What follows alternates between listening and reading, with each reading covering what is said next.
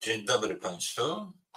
Kazimierz Wójcicki. E, mamy niezwykle żywy okres, jeśli chodzi o polską politykę zagraniczną, ale e, to, że ten e, tak dużo jest wydarzeń związanych z polską polityką zagraniczną, nie oznacza wcale, że to jest dobry okres dla polskiej polityki zagranicznej.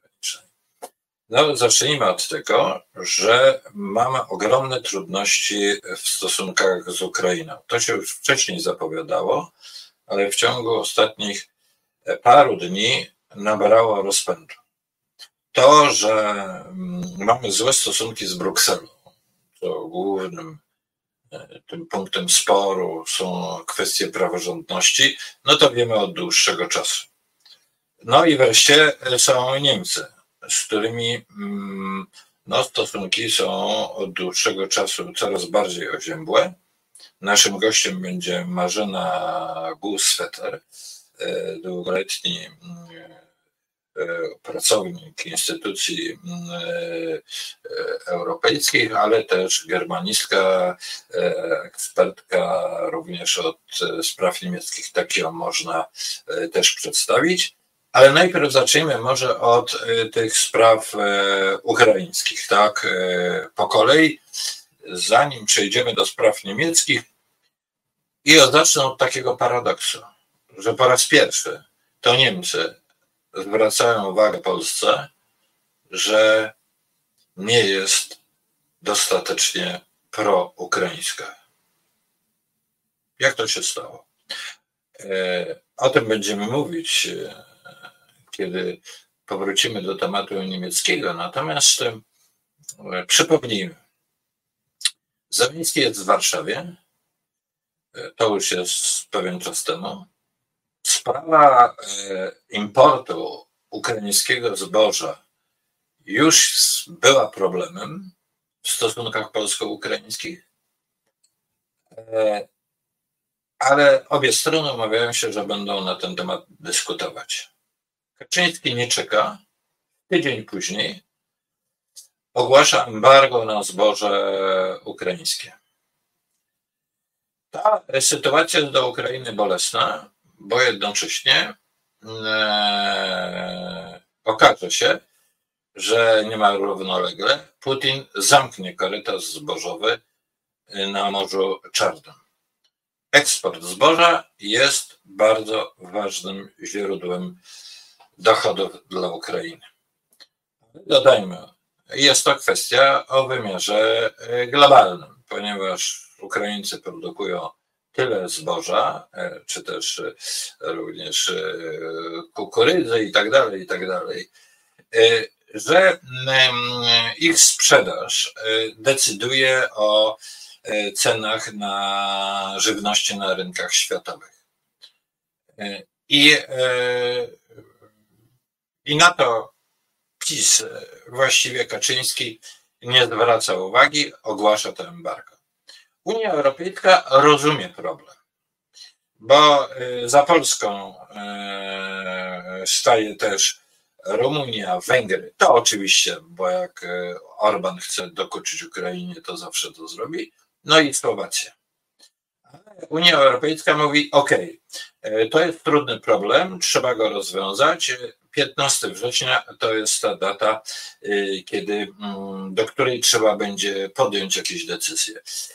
No i 15 września e, Unia Europejska cofa embargo na zboże ukraińskie. Okazuje się po drodze, że e, Polska w tej sprawie nic nie zrobiła. To znaczy, nie podjęła żadnych poważnych negocjacji z Ukrainą. E, I słysząc o tej decyzji, mm, decyzji Brukseli, e, ogłasza, że embargo będzie dalej mm, kontynuowane. I teraz e, nie ma równolegle. Politycy z całego świata jadą do, e, do ONZ-u, do Nowego Jorku. I co się tam okazuje? Otóż mm, e, prezydent Duda wygłasza przemówienie, w którym nazywa mm, Ukrainę tonącym okrętem, a, Polacy, Polska jest jakby w niebezpieczeństwie, bo podaje rękę. Takie są metafory tego przemówienia Ukrainie i to jest dla Polski niebezpieczne. To rozchodzi się po całym świecie, ale mało tego, równolegle premier Morawiecki mówi, że Polska już nie wysyła broni y, do Ukrainy, bo się sama y, broni, bo sama się musi zbroić. Ta wypowiedź jest wieloznaczna, ponieważ jakby jest taką właściwie, może być zrozumiana jako pogróżka, że nie tylko nie będzie tam wysyłana polska broń, ale że również przez Polskę broń nie będzie wysyłana. Tak przynajmniej niektórzy zaczynają to rozumieć jako, jako, jako pogróżkę. No to budzi ogromne zaskoczenie y, prasy światowej. To są tytuły prasy amerykańskiej, brytyjskiej, francuskiej, no i wreszcie paradoksalnie niemieckiej. Zdziwienie w Niemczech, że ta Polska, która była pionierem pomocy dla Ukrainy, teraz się do Ukrainy odwraca plecami. Ukraińcy nie pozostają do pewnego stopnia dłużni na embargo polskie odpowiadają groźbą embarga na polskie warzywa i owoce. Tego brak jest e, na rynku ukraińskim i tam ten, ten brak wypełniają polscy rolnicy. W tej chwili jesteśmy e, w momencie, gdy nie wiemy, czy ten konflikt zostanie zahamowany, czy też, e, czy też się będzie rozpędzał. E, w każdym razie mm, Rada Najwyższa Ukrainy hmm, przygotowuje taką uchwałę, że bardzo dziękuję Polsce za pomoc. Wyraźnie Ukraińcy chcą to e, wyhamować. Po polskiej stronie, no nie wiemy, co będzie.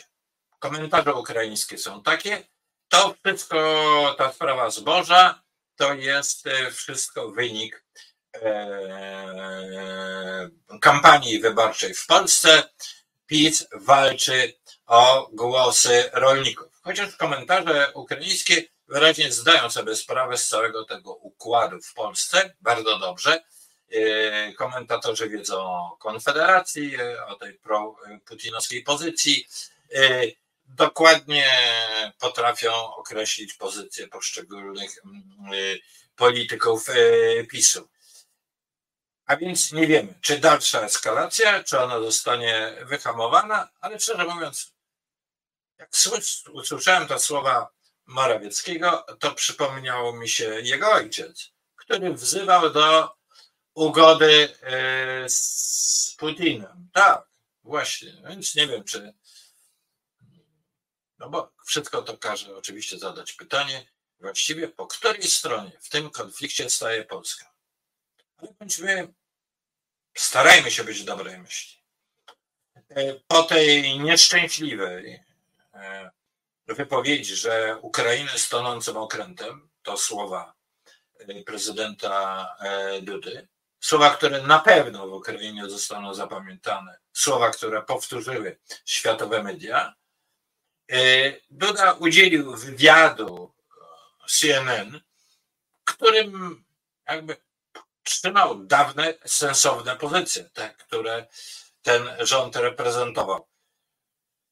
Ale nad tymi stosunkami. Zbierają się oczywiście chmury, bo te wypowiedzi zostaną zapamiętane, a jednocześnie wiemy, że w PiSie w związku z polityką historyczną i tak dalej, e, nigdy te, te stosunki do e, ten stosunek do Ukrainy nie był całkowicie przejrzysty, a e, ostatnio nawet jeszcze jedna jest wypowiedź, no, że Ukraina, jeżeli nie, nie rozwiąże tych spraw zboża, to z polskiej strony wypowiedź, to Polska jest przeciwko wejściu Ukrainy do Unii Europejskiej.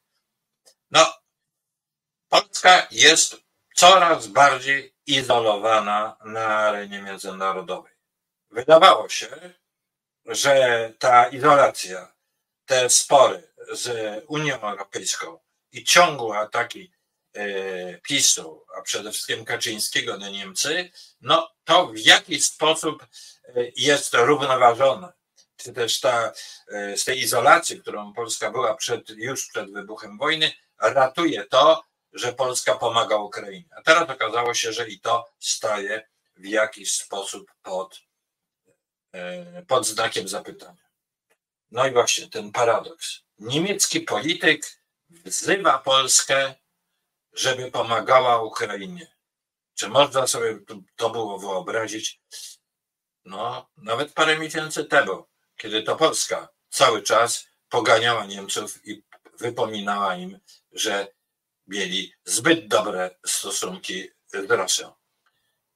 Naszym gościem jest e, e, Marzena e, Gusweter, Marzena, byłaś długi czas, pracowałaś w instytucjach europejskich, jesteś mm, germanistką, świetnie znasz Niemcy. Czy nie jest to szokujące, że Niemcy nas upominają, żebyśmy mieli lepsze stosunki z Ukrainą? Jest to dobry wieczór, dobry wieczór Tobie, dobry wieczór Państwu. No na pewno jest to szokujące, ale no to jest oczywiście też bardzo niesprawiedliwe, ponieważ no, Polska jednak bardzo pomogła w, tych, w tym pierwszym okresie, w zeszłym roku e, Ukrainie, jeśli chodzi o pomoc humanitarną, ale także jeśli chodzi o pomoc e, militarną. I Polska właśnie bardzo skorzystała z możliwości oferowanych przez e, Unię Europejską, która sfinansowała znaczną część też tego uzbrojenia, które było przekazywane Ukrainie. Także Polska się bardzo pozytywnie zapisała w zeszłym roku w polityce międzynarodowej. No i niestety to już e, zaczęło się od momentu nakręcania się właściwie kampanii wyborczej w Polsce, która jest chyba najbardziej zaciekłą kampanią, jaką mieliśmy od czasu upadku e, komunizmu e, w naszym kraju. I pod wpływem właśnie tych interesów partyjnych no, Prawo i Sprawiedliwość, czyli polski rząd, zaczął no, coraz bardziej podporządkowywać te główne cele polskiej polityki zagranicznej swoim e, celom e, wyborczym. No i w związku z tym ta sprawa zboża eksportu e, czy importu ukraińskiego, ukraińskiego zboża i tranzytu została właściwie w zeszłym roku już przez polski rząd kompletnie zaniedbana, ponieważ nikt tego tranzytu e, nie kontrolował, nikt nie zwracał uwagi na import i to dopiero zostało jakby nagłośnione, można powiedzieć, przez e, różne organizacje rolnicze, rolnicze w Polsce i wtedy zaczęto rozmawiać ze stroną ukraińską, zaczęto się tym, tym zajmować. Jeśli chodzi o tranzyt, no to on nadal, nadal przechodzi przez Polskę, jest bardziej w tej chwili kontrolowany. Także tu nie można powiedzieć, że Polska jakby hamuje tranzyt zboża przez, przez Ukrainę. Notabene tego typu tranzyt w ogóle nie jest specjalnie opłacalny, dlatego ta, ta droga przez Rumunię jest, jest, jest w tej chwili jeszcze bardziej forsowana, ponieważ e, tranzyt ukraińskiego zboża przez Polskę się de facto w ogóle e, nikomu z punktu widzenia biznesowego nie, nie kalkuluje. Natomiast Polska i polscy przedsiębiorcy również bardzo korzystają na otwarciu tego rynku ukraińskiego. Ukraina nie jest wprawdzie członkiem Unii Europejskiej, ale właśnie w ramach pomocy też Ukrainie zdecydowano e, o nie tylko o tym, że, że obywatele Ukrainy mogą e, pracować bez problemu i poruszać się po Unii Europejskiej, ale również zdecydowano o tym, o otwarciu częściowym e, rynku europejskiego dla produktów z Ukrainy, na czym oczywiście ta druga strona, czyli Polska jako członek Unii Europejskiej, też bardzo, bardzo korzysta. Więc tutaj nie mamy tylko zboża, ale mamy różne inne produkty, na, na przykład produkty mleczarskie, które e, polscy producenci masowo też eksportują e, do, do Ukrainy. Oczywiście było wiele, wiele nieprawidłowości, zarówno jeśli chodzi o tranzyt, jak i o import zboża, no ale było dużo, dużo czasu na, na um, przeprowadzanie różnego rodzaju uzgodnień tutaj ze stroną ukraińską. No i bardzo niedobrze się stało, że doszło w tej chwili do tak, tak dużej, dużej eskalacji tego konfliktu i do tych różnych działań właśnie, czy też słów prezydenta Zeleńskiego na forum Narodów Zjednoczonych, jak i to wszystkie wzywanie tych ambasadorów, jak i również ta wypowiedź teraz premiera Morawieckiego dla dla Polsatu, która notabene moim zdaniem została trochę przez, przez media zachodnie trochę,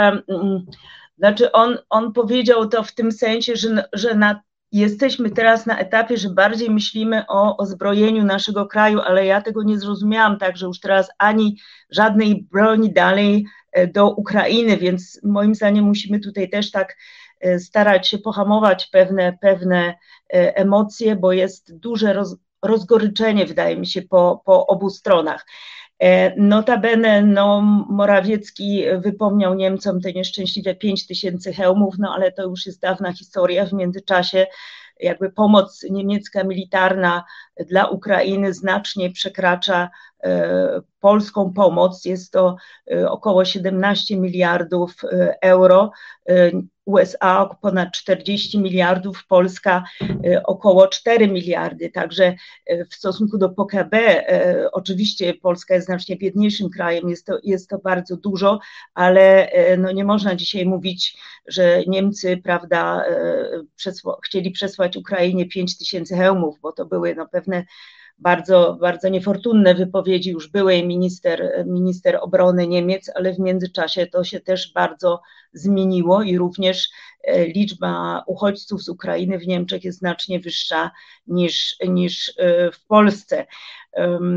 Myślę, że, że tutaj ta walka, właśnie ta walka, ta polaryzacja, walka o, wyborców, no jakby prowadzi do bardzo niefortunnych takich decyzji polskiego, polskiego rządu, które no znacznie osłabiają w ogóle pozycję Polski E, na arenie międzynarodowej, e, ale również e, prowadzą do tego, że ten atut, który Polska miała na początku zeszłego roku, gdy tylko wybuchła wojna, prawda, no to jednak bardzo podniosło prestiż, prestiż Polski i na całym świecie, również też i w Ukrainie, i, i w Niemczech, że to jest jakby tak można powiedzieć, no tak. Um,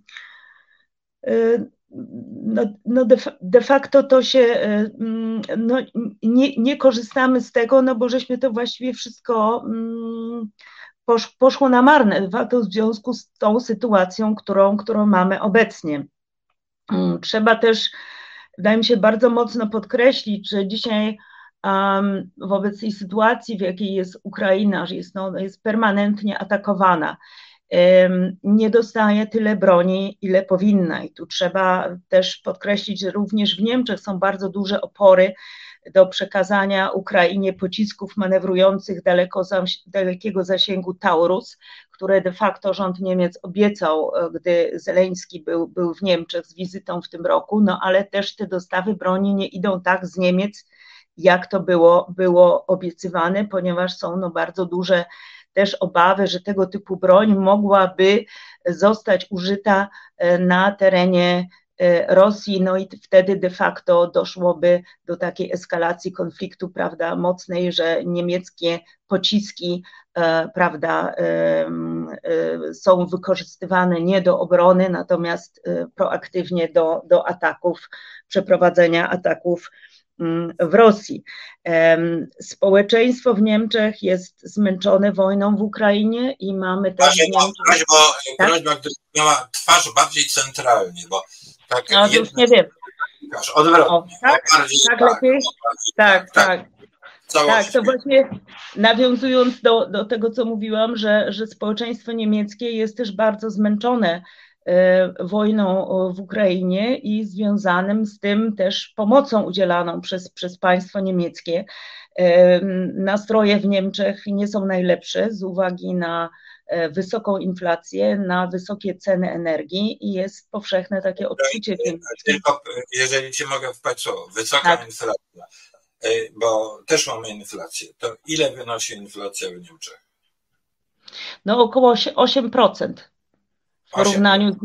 Tak, no ale, ale w, w odczuciu Niemiec jest ona, ona wysoka. Poza tym, z uwagi na, na zobowiązania Niemiec do wprowadzenia wszystkich zobowiązań związanych z implementacją też Zielonego Ładu, tam no, po prostu ludzie odczuwają to, że za no są bardzo jasne, jasne plany, jeśli chodzi o konieczność na przykład wymiany ogrzewania na pompy, na pompy ciepła i to jest bardzo rygorystycznie w Niemczech, e, w Niemczech jakby no,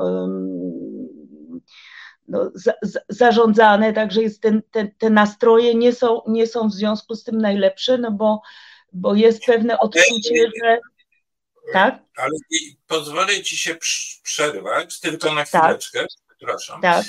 Ale mam takie wrażenie, że mm, to wszystko, co mówisz, to z tego, co ja też wiem, tak właśnie jest. Tym niemniej w Polsce to trafia moim zdaniem na mm, taki grunt, że może być y, niewłaściwie interpretowane.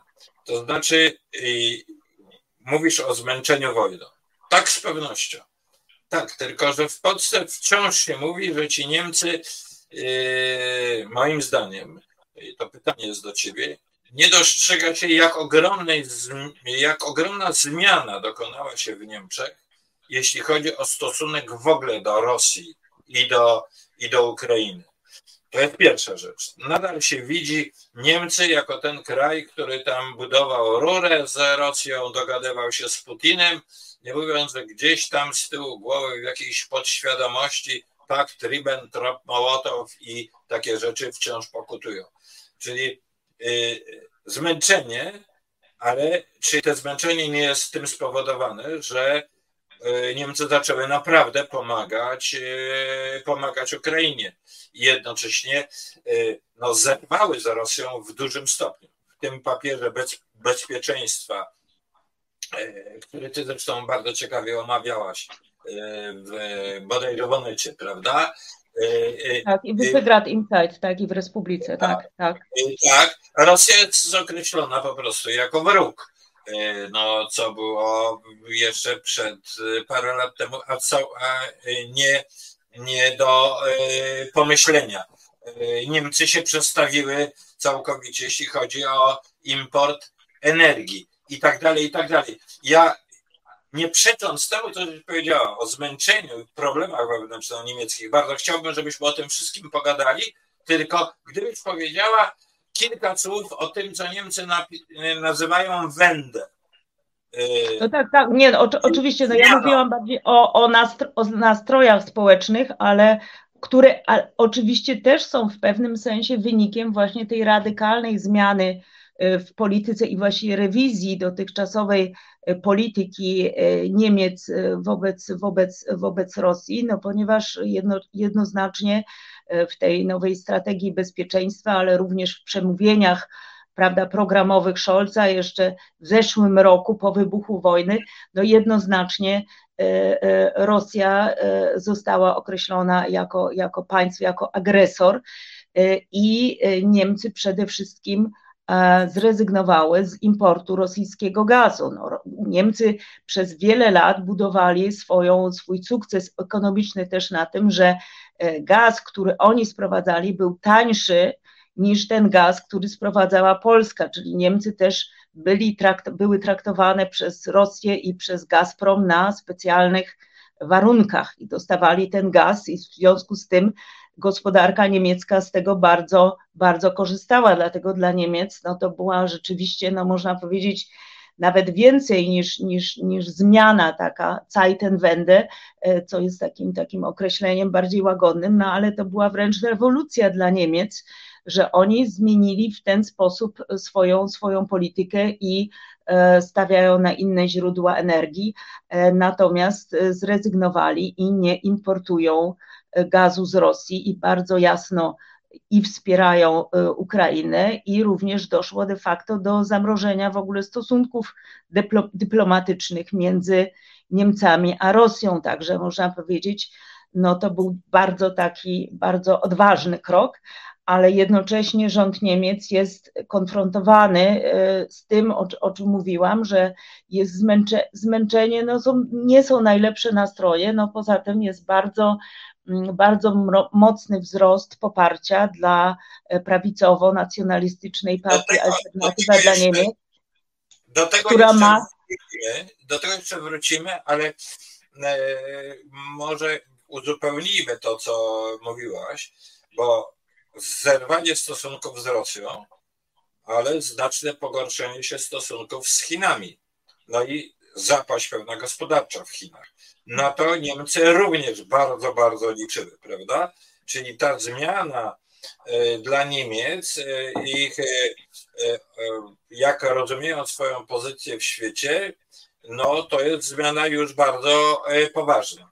Ale, ale powiedzmy tak, na przyszły rok Niemcy mają zapowiedziane 1,5% wzrostu gospodarczego. Polska nie wiadomo. Mówię to po to, że w Polsce się przedstawia często Niemcy jako walące się. Publicyści PiSu mówią niemal o doganianiu Niemców i tak dalej. Mnie się wydaje, że to wszystko jest nieprawda, że Niemcy. Nie, no to jest, to jest oczywiście bzdura, no dlatego że nawet jeżeli Polska miała czy ma e, nadal dość wysoką dynamikę wzrostu gospodarczego, no to my startujemy zupełnie in, no tak, ale startujemy z zupełnie innego, innego pułapu, prawda? Więc nie możemy porównywać naszej pozycji międzynarodowej i, i gospodarczej do pozycji e, Niemiec. No, w Polsce też doszło do wielu e, zakłamań, jeśli chodzi o w ogóle o politykę wobec Niem, Niemiec i sytuację w Niemczech, no ponieważ polski, polski rząd od, no można powiedzieć, od dłuższego czasu no, prowadzi e, bardzo intensywną antyniemiecką propagandę, która e, przedstawia Niemcy e, jako taki, taki no, główną centralę razem z Brukselą, może mniej trochę niż, niż z Paryżem, ale Brukselę, ale centralę takiej władzy europejskiej, której głównym celem niby jest, prawda, e, zduszenie rozwoju gospodarczego i w ogóle e, Polski i stąd, stąd te, te różnego rodzaju akcje, czy, czy jeśli chodzi o reparacje, e, czy po prostu no, te bardzo takie antyniemieckie i, i, i mm, wątki w różnego rodzaju, rodzaju przemówieniach polityków partii, partii rządzących no to jest, mm, to doprowadziło w ogóle do takiego, można powiedzieć, takiej stagnacji dużej w stosunkach polsko-niemieckich. Ostatnie konsultacje międzyrządowe miały miejsce w 2018 roku, tak? Czyli my mamy prawie 5 lat, kiedy w ogóle nie ma e, porządnego dialogu między ministerstwami. I ciekawe, że w tej Narodowej Strategii Bezpieczeństwa Niemiec, takim głównym, głównym dokumencie strategicznym, w ogóle E, Polska, stosunki Polski z Polską się nie pojawiają. E, w umowie koalicyjnej tak, jeszcze zawsze do tej pory w umowach koalicyjnych niemieckich była były wymieniane stosunki z Polską, jak i stosunki z Francją jako priorytetowe. Natomiast tutaj e, mam wrażenie, że jest to wynikiem z tego, że w Berlinie po prostu też nie, nikt nie ma pomysłu, e, co dalej zrobić Y, ze stosunkami z Polską, wobec tego też ogromnego politycznego hejtu, jaki jest w Polsce kierowany pod adresem Berlina. Stąd prawdopodobnie y, bierze się to na, na, na przeczekanie. Y, wszyscy w tej chwili patrzą, prawda, z uwagą, co się w Polsce będzie działo po, po 15 października ale e, wydaje mi się, że tu w tym wszystkim jest też bardzo istotny aspekt związany w ogóle z przyszłością instytucjonalną Unii Europejskiej i z przystąpieniem e, Ukrainy do Unii Europejskiej. Niemcy przez długi okres czasu robiły wszystko, żeby w żadnych dokumentach dotyczących e, stosunków między Unią a Ukrainą, żeby w ogóle nigdzie nie wspomnieć o słowie członkowstwo, tylko zawsze mówiono, europejska perspektywa, prawda, europejskie nadzieje, miejsce w Europie i tak dalej. Natomiast to się, to się zmieniło i w tej chwili e, Niemcy bardzo, bardzo silnie razem też z Francją przygotowują jakby grunt pod przystąpienie Ukrainy do Unii Europejskiej. W tym tygodniu powstał, został przedstawiony taki francusko-niemiecki raport MSZ-u Francji i Niemiec, gdzie właśnie się o tym bardzo no bardzo jasno, jasno mówi, że konieczna jest ta perspektywa poszerzenia i w związku z tym proponuje się e, różnego rodzaju zmiany instytucjonalne w Unii Europejskiej, jak na przykład odchodzenie od prawa weta, wprowadzanie większościowego e, głosowania, zmniejszenie liczby, liczby komisarzy. Wszystko to po to, żeby nie trzeba było przeprowadzać zmian w traktatach europejskich, co może zawsze okazać się E, puszką Pandory i prowadzić do, do, do, do, do w ogóle zastoju, dlatego że mogą być referenda, wiele, wiele państw może się na to z różnych względów nie, nie zgodzić, ale są możliwe zmiany w ramach um, ustawodawstwa unijnego i prawdopodobnie pójdzie to wszystko w kierunku um, przyjęcia do Ukrainy, do Unii Europejskiej na innych zasadach niż było to e, podczas ostatnich poszerzeń. To będzie czyli to będzie takie przystąpienie Ukrainy light, być może stopniowe, ale jest to bardzo istotne z punktu widzenia też odbudowy Ukrainy. Proszę?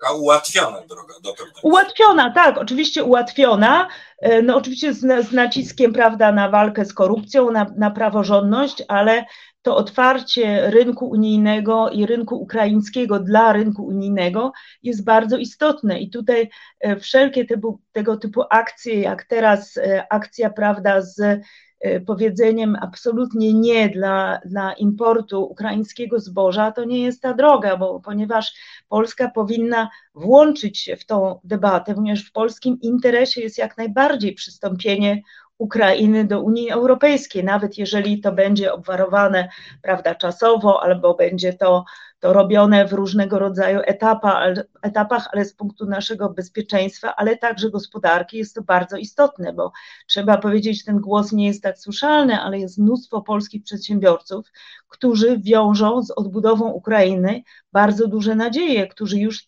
ostatnich latach zbudowali wiele kontaktów na rynku ukraińskim i którzy się tam świetnie poruszają. Ja nie mówię o wielkich koncernach międzynarodowych, ale właśnie te polskie małe i średnie przedsiębiorstwa mówią cały czas, y, i, i że oni oni bardzo potrzebowaliby pomocy polskiego rządu, żeby był bardziej aktywny, no bo oni mają już te doświadczenia, mają kontakty, poza tym kulturowo jesteśmy też sobie jednak bardzo bliscy, więc taki duży rynek jak ukraiński to nie jest tylko to, że ktoś do nas coś daje i nas zalewa nas, nas zbożem, ale my przecież też coś produkujemy. Marzena, a jak się przygotowują Niemcy do no, procesu, który się nazywa odbudową Ukrainy?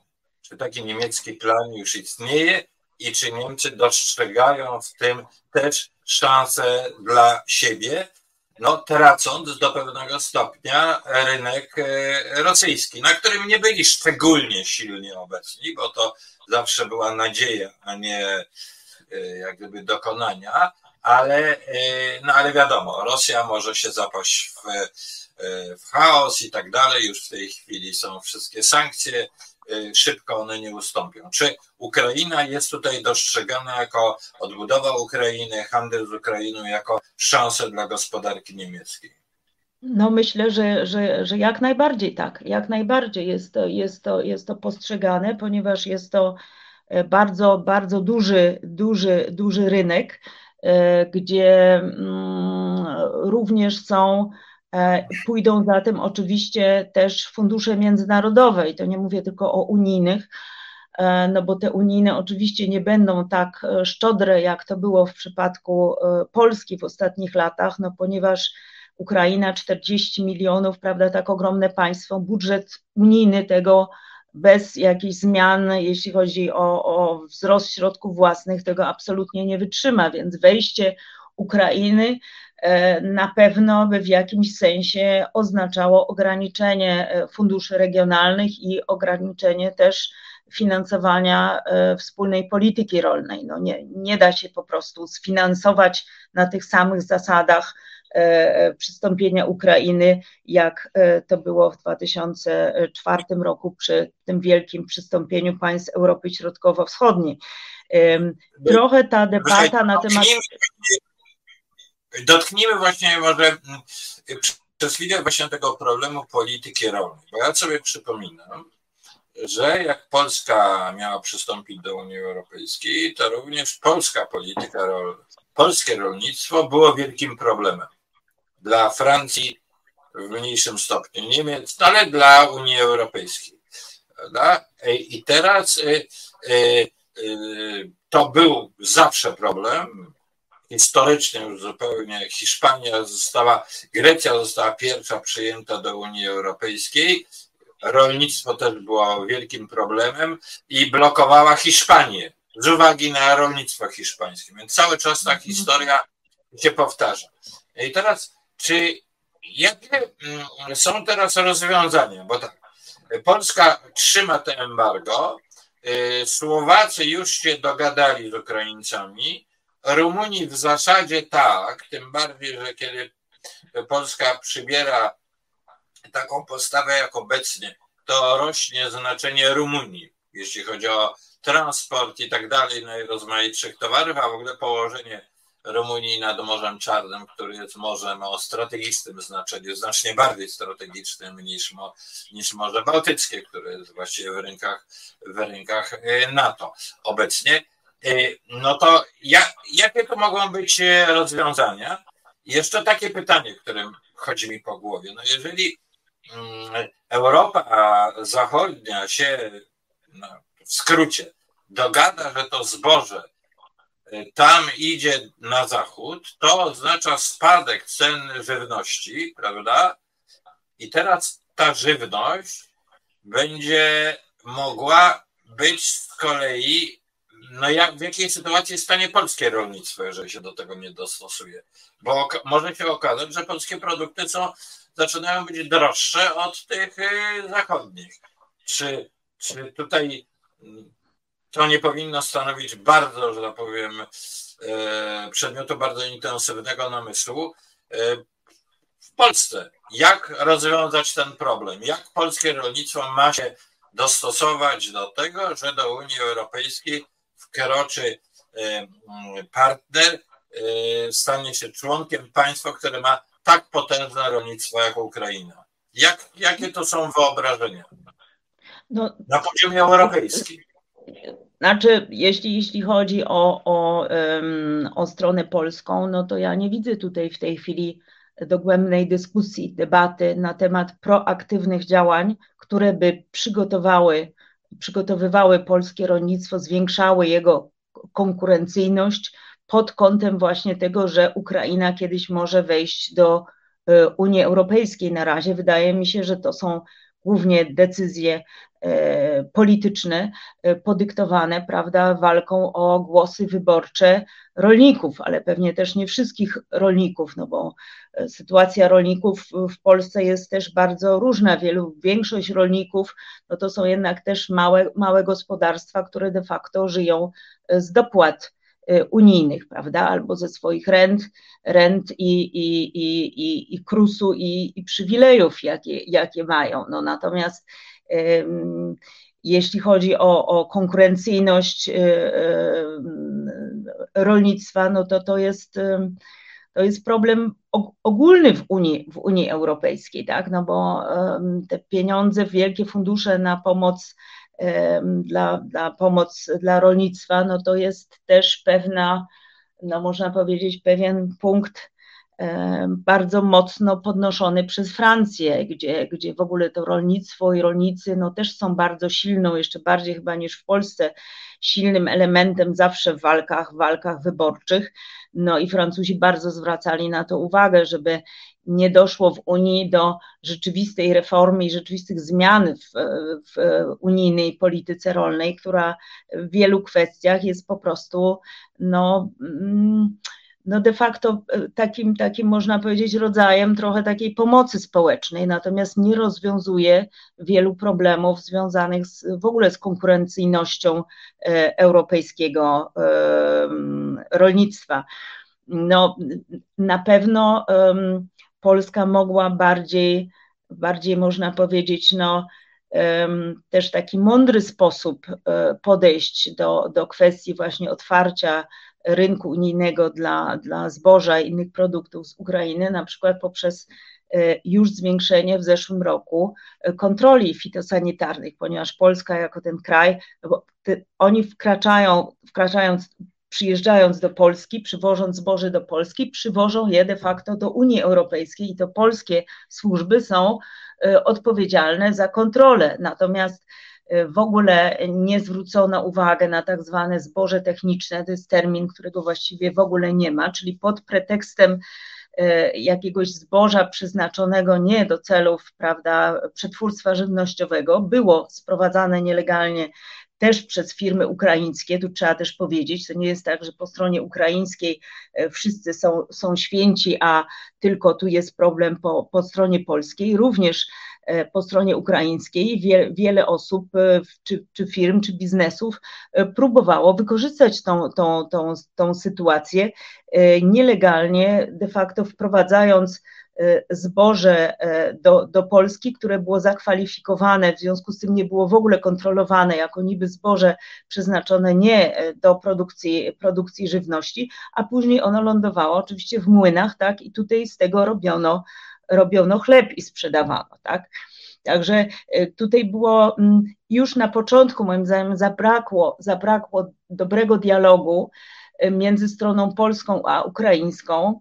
Mm, co też e, było wynikiem i jest wynikiem, e, moim zdaniem, takiej dosyć może trudnej nawet dla, dla niektórych przedstawicieli również rządu czy, czy, czy instytucji polskiej sytuacji, że Ukraina, która była, prawda, długo była krajem będącym poza Unią Europejską, nagle w związku z wojną, w związku z, z tym, że jakby cały świat prawda, zajmuje się Ukrainą, wspiera Ukrainę i Ukraina ma bardzo duże szanse, żeby stać się też członkiem Unii Europejskiej, no to jakby w Polsce powstało takie po wielu, po, po stronie wielu, przypuszczam, e, urzędników i szczebla regionalnego i centralnego pewne takie rozgoryczenie, że ta Ukraina, która jakby była poza, już, już jakby nie tylko wchodzi na nasze salony, ale zaczyna się bardzo tak też rozpierać na naszych salonach. I to też moim zdaniem prowadzi, to jest taki moment psychologiczny, do, do którego, który jest moim zdaniem też przyczyną można no, to...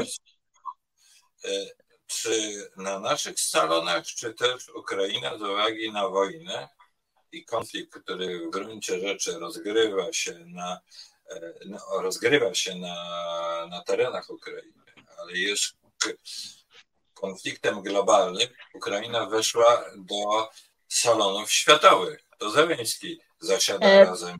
tak, tylko jest, jest wiele, Wiele tak, kwestii tak, też tak. bilateralnych dotyczących, nie wiem, czy spraw transportowych, czy tego, że na przykład e, transport został w dużej mierze też przejęty, e, tranzyt w transporcie e, przez firmy ukraińskie, które z drugiej strony nie mają, nie mają tego typu obostrzeń i dotyczących różnych, różnych kwestii wymaganych przez Unię Europejską. Nasi przewoźnicy znowu muszą się do tego stosować. Później też są przypadki, że, że strona ukraińska od razu dzwoni do Brukseli nie uzgadnia rzeczy ze stroną polską, a od razu dzwoni do Brukseli. Tak.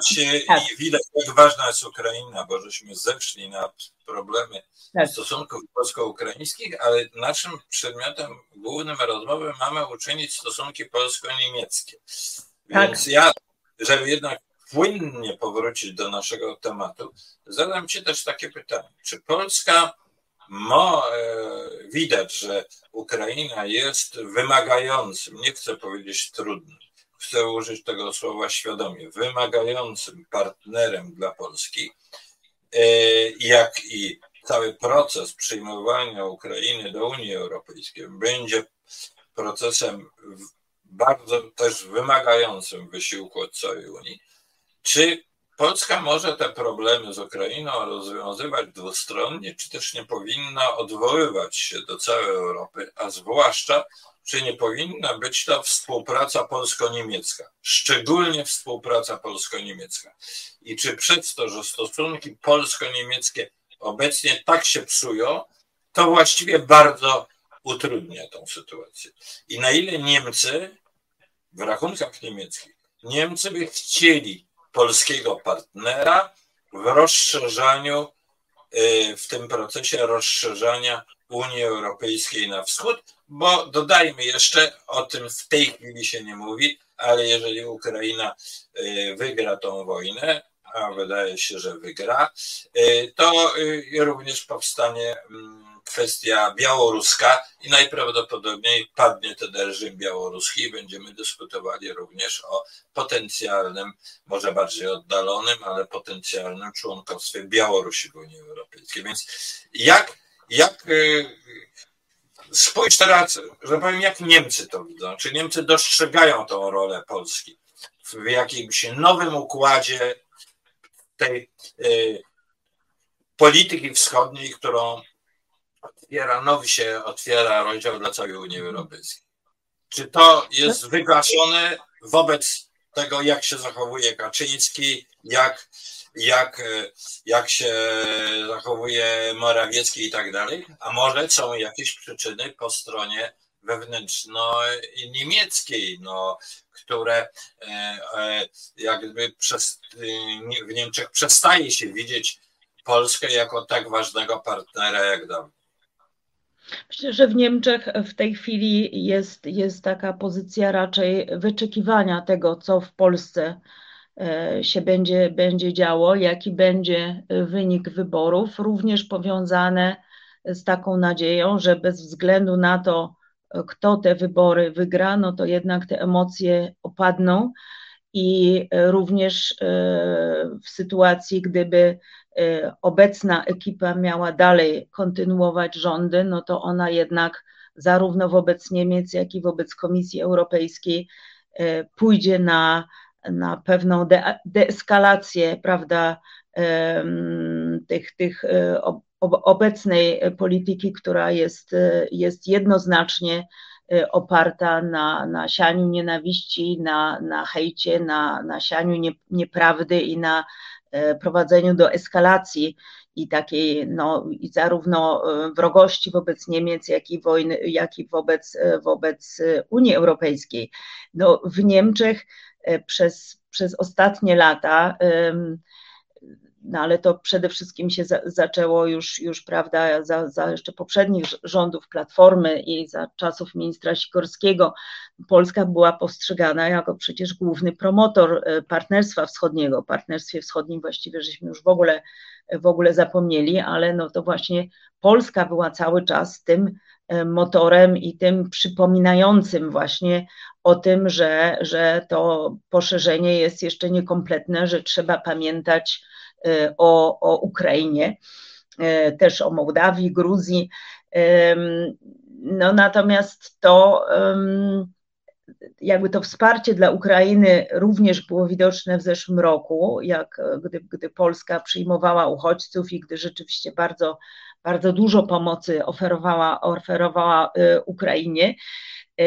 No natomiast w tej chwili jest, jest to bardzo trudne do, do, do oceny, no bo polski rząd no ewidentnie głównie koncentruje się na kampanii wyborczej i jest bardzo trudno ocenić, co jest prawdą, co jest fałszem, co jest jakby długofalową strategią, co jest krótkofalową taktyką. Także na obecnym etapie na pewno w Niemczech, no oczywiście w tych, w tych kręgach, które są zawsze jakby, prawda, zainteresowane w ogóle kontaktami, rozwijaniem stosunku z Polską, no to oczywiście jest taka nadzieja, są ciągle propozycje, że, że to by było, zresztą to by było logiczne, żeby właśnie e, Polska i Niemcy w tej, w tej sytuacji razem współdziałały na rzecz e, przystąpienia Ukrainy do Unii Europejskiej, integracji Ukrainy, ale przede wszystkim problemem jest, będzie na początku odbudowa Ukrainy. Przecież tam infrastruktura jest systematycznie e, przez e, Rosjan niszczona. Myśmy się już właściwie trochę do tej wojny i do tych wiadomości przyzwyczaili, no przecież, ale ogrom strat, jakie to społeczeństwo Ukrainy i ich infrastruktura i gospodarka dzień w dzień ponosi, to jest niewyobrażalne. Niewyobrażalne. Nie jesteśmy w stanie sobie tego w ogóle e, wyobrazić, w jakich warunkach ci ludzie, ci ludzie żyją i też e, tej całej, całej sytuacji, prawda, jest prawie już ponad rok, prawie dwa lata będą od czasu, od czasu e, wybuchu wojny. Na początku wojny było moim zdaniem większe zaangażowanie i Unii Europejskiej, przewodniczącej von der Leyen, ale też Stanów Zjednoczonych, Niemiec na rzecz organizowania różnego rodzaju takich donors conference na rzecz e, Ukrainy. To tak trochę moim zdaniem e, przycichło, również dlatego, że ta wojna bardzo, bardzo długo, długo trwa, e, ale wydaje mi się, że, że jednak będzie bardzo duża mobilizacja biznesu, też biznesu prywatnego, jak tylko ustanie wojna. No, dlatego, że tak za, zawsze się dzieje. Poza tym e, Ukraina, ukraińskie społeczeństwo jest niezwykle e, zdeterminowane, jest bardzo dobrze wykształcone. Widać, że oni się świetnie, świetnie poruszają również, prawda, poza granicą. To nie jest już takie postsowieckie społeczeństwo, tylko oni nawet ci, którzy działają w Polsce, bardzo dobrze sobie, e, sobie radzą. Więc, Marzena, tak. znowu, znowu schodzimy o Ukrainie, a nie o Niemczech. Nieprzypadkowo. Więc ja mam takie pytanie. Na ile w tej chwili we, e, przy, pamiętając o wszystkich różnicach, o tym AfD i tak dalej, na ile polityka niemiecka obecnie stawia na to, że Ukraina musi w pełni wygrać tę wojnę? I na ile pojawia się też taki wątek, że ma być to pełna klęska Rosji? że pełna klęska Rosji, że Niemcy oczywiście zawsze w takich wypowiedziach są ostrożni, ale szczerze mówiąc, ja ostatnio mm, czytałem kilka prac niemieckich, książek, z których wynika, że właściwie no, nie możemy e, teraz powiedzieć, że to imperium ma się rozpaść, ale, ale właściwie to jest jedyne rozwiązanie, żebyśmy byli bezpieczni. E, czyli krótko mówiąc, czy jest jakiś ślad tego, że z Rosją jakoś się trzeba dogadywać, negocjować? Oczywiście Zachód zawsze będzie mówić, że taka wojna kończy się przy, przy stole negocjacyjnym, no bo i co, co można innego powiedzieć? No zawsze wojna się kończy przy, to jest banał, prawda? Więc jak ty oceniasz tę refleksję polityczną niemiecką na temat e, Rosji w kontekście e, Ukrainy?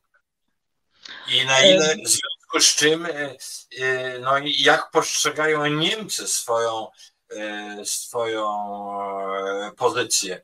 Mm, czy, czy Niemcy, mm, bo z kolei niektóre artykuły, które czytałem, to jest takie mm, wezwania w Niemczech, żeby, że Niemcy mają podjąć odpowiedzialność za tą sytuację w Europie i i są niejako zobowiązane do tego, żeby w tej nowej, zmienionej sytuacji geopolitycznej, no w bardzo zasadniczy sposób mieć e, e, jako największy kraj gospodarczy Unii, no mieć jakąś zdecydowaną politykę.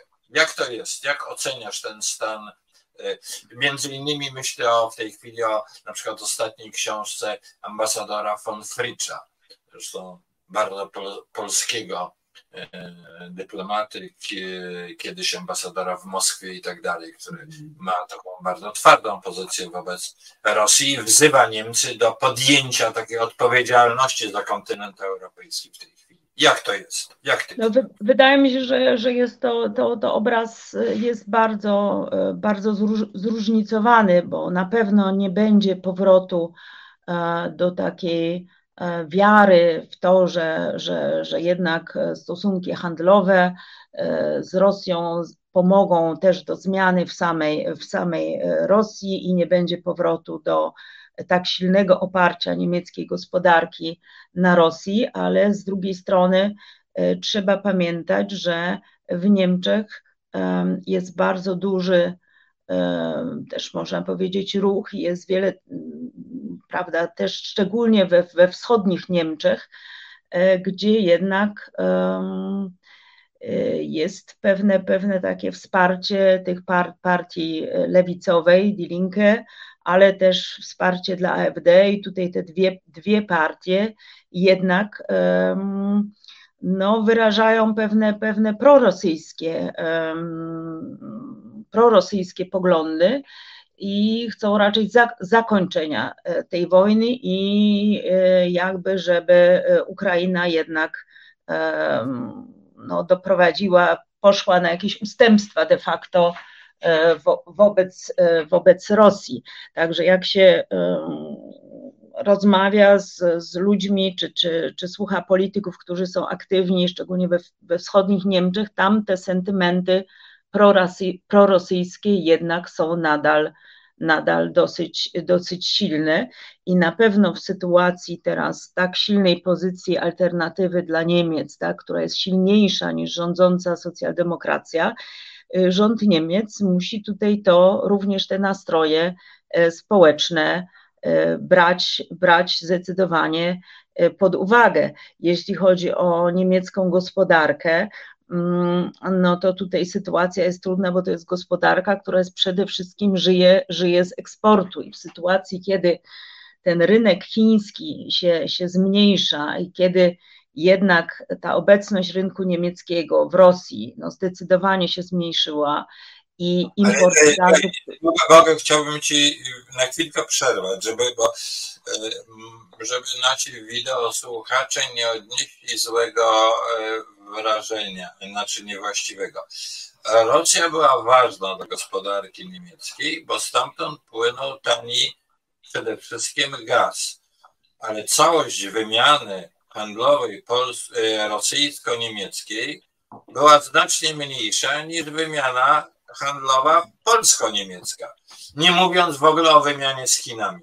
Czyli Nie, o, o, oczywiście, że tak, ale ze względów prestiżowych i politycznych dla dużych niemieckich firm było zawsze bardzo istotne, żeby w tej Rosji być obecnym i moim zdaniem głównie też z, z, z, uwagi na to, że jest to duży rynek i że Niemcy wierzyli, że w tej Rosji jednak dojdzie kiedyś do bardzo dużych zmian demokratycznych, które pozwolą wtedy im na no, większe no, rozwinięcie tego biznesu. Zresztą też trzeba, trzeba powiedzieć. Rosja, Rosja była pewną nadzieją. Trzymamy tam punkt, że tak powiem, posterunki, bo to jest pewna nadzieja, jak coś się w Rosji zmieni. Ale czy teraz jeszcze raz, czy w percepcji ukraińskiej przepraszam, niemieckiej, Ukraina nie zastąpi Rosji. To znaczy, że Ukraina jest tą szansą. E, e, zwłaszcza, że no, Rosja poprzez swoje barbarzyństwo, bałagan i tak dalej, no w dużym stopniu się skompromitowała w, w oczach Niemców przecież również. Tak, no zdecydowanie, chociaż trzeba też, też powiedzieć, że jeśli chodzi o, o sankcje unijne, no to oczywiście Niemcy, prawda, podpisali się pod sankcjami, ale są sygnały, że wiele niemieckich, niemieckich firm poprzez inne kraje trzecie nadal różne rzeczy do Rosji e, eksportuje i w przeciwieństwie do takich państw jak Dania, które jakby proaktywnie nawołały swój biznes, żeby po prostu powiedzieli, kto, kto nadal przez kraje trzecie do Rosji coś, coś eksportuje, no to w Niemczech do tej pory e, tego typu e, lista, lista nie powstała i wydaje mi się, że nadal jednak tli się też e, wśród i niemieckich polityków i biznesu jednak jest pewna nadzieja, że w końcu dojdzie do, do upadku reżimu Putina i jakieś kiedyś zmiany w Rosji będą, chociaż rzeczywiście to jest dużo mniejsze. Natomiast pytanie, czy Ukraina może zastąpić Rosję? Wydaje mi się, że, że na, na obecnym etapie e, e, wojny nie jest um, sytuacja zbyt mało klarowna, żeby można było tutaj już jasno budować e, pewne nadzieje. Na pewno są w gotowości, na pewno te działania mające na celu otwarcie czy pokazanie jakiejś ścieżki takiego alternatywnego procesu poszerzenia Unii Europejskiej na drodze pewnych zmian instytucjonalnych, które ułatwią trochę podejmowanie decyzji bez zmiany traktatów, tutaj y, strona niemiecka jest bardzo aktywna, jest wręcz powiedziałabym bardziej aktywna niż strona polska, która nie wykorzystuje w ogóle tego momentu politycznego, kiedy mogłaby właśnie wzmacniać swoją współpracę z Niemcami, aby również razem z Niemcami y, pracować nad nad jakąś drogą przystąpienia czy bliższego zbliżenia się z Ukrainą, co by było jednoznacznie no, z korzyścią i dla polskiego bezpieczeństwa, i dla polskiej gospodarki, co już teraz widzimy, no bo fakt, że że już przedtem tyle osób z Ukrainy pracowało u nas jeszcze przed wojną i również teraz jeszcze w Polsce, przecież oni pracują, płacą, płacą podatki, e, to jest jednak tej refleksji w Polsce nie ma. W tej chwili w Polsce mamy tylko de facto dominację złych emocji związanych z, z kampanią e, wyborczą. E, powiedziałaś bardzo ciekawą rzecz, gdybyś to poszerzyła nieco w tej chwili w Niemczech, czy, czy ja cię przesłyszałem, ale zdaje się, że nie. Tak, tak. jest więcej Ukraińców niż w Polsce. Tak, tak, jest więcej. więcej. Ukraińcy yy, dostrzegają szansę. Ci, ci no, uchodźcy, może tylko na pewien czas, dostrzegają szansę bycia w Niemczech.